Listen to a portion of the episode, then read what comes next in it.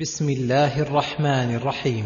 قل أعوذ برب الناس ملك الناس إله الناس من شر الوسواس الخناس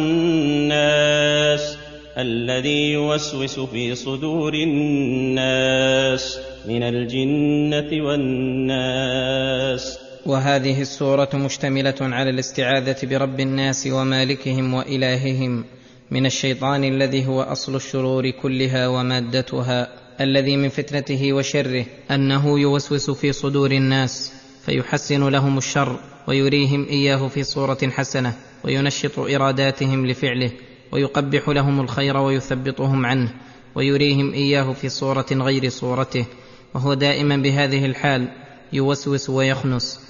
أن يتأخر إذا ذكر العبد ربه واستعان به على دفعه فينبغي له أن يستعين ويستعيذ ويعتصم بربوبية الله للناس كلهم وأن الخلق كلهم داخلون تحت الربوبية والملك فكل دابة هو آخذ بناصيتها وبألوهيته التي خلقهم لأجلها فلا تتم لهم إلا بدفع شر عدوهم الذي يريد أن يقتطعهم عنها ويحول بينهم وبينها.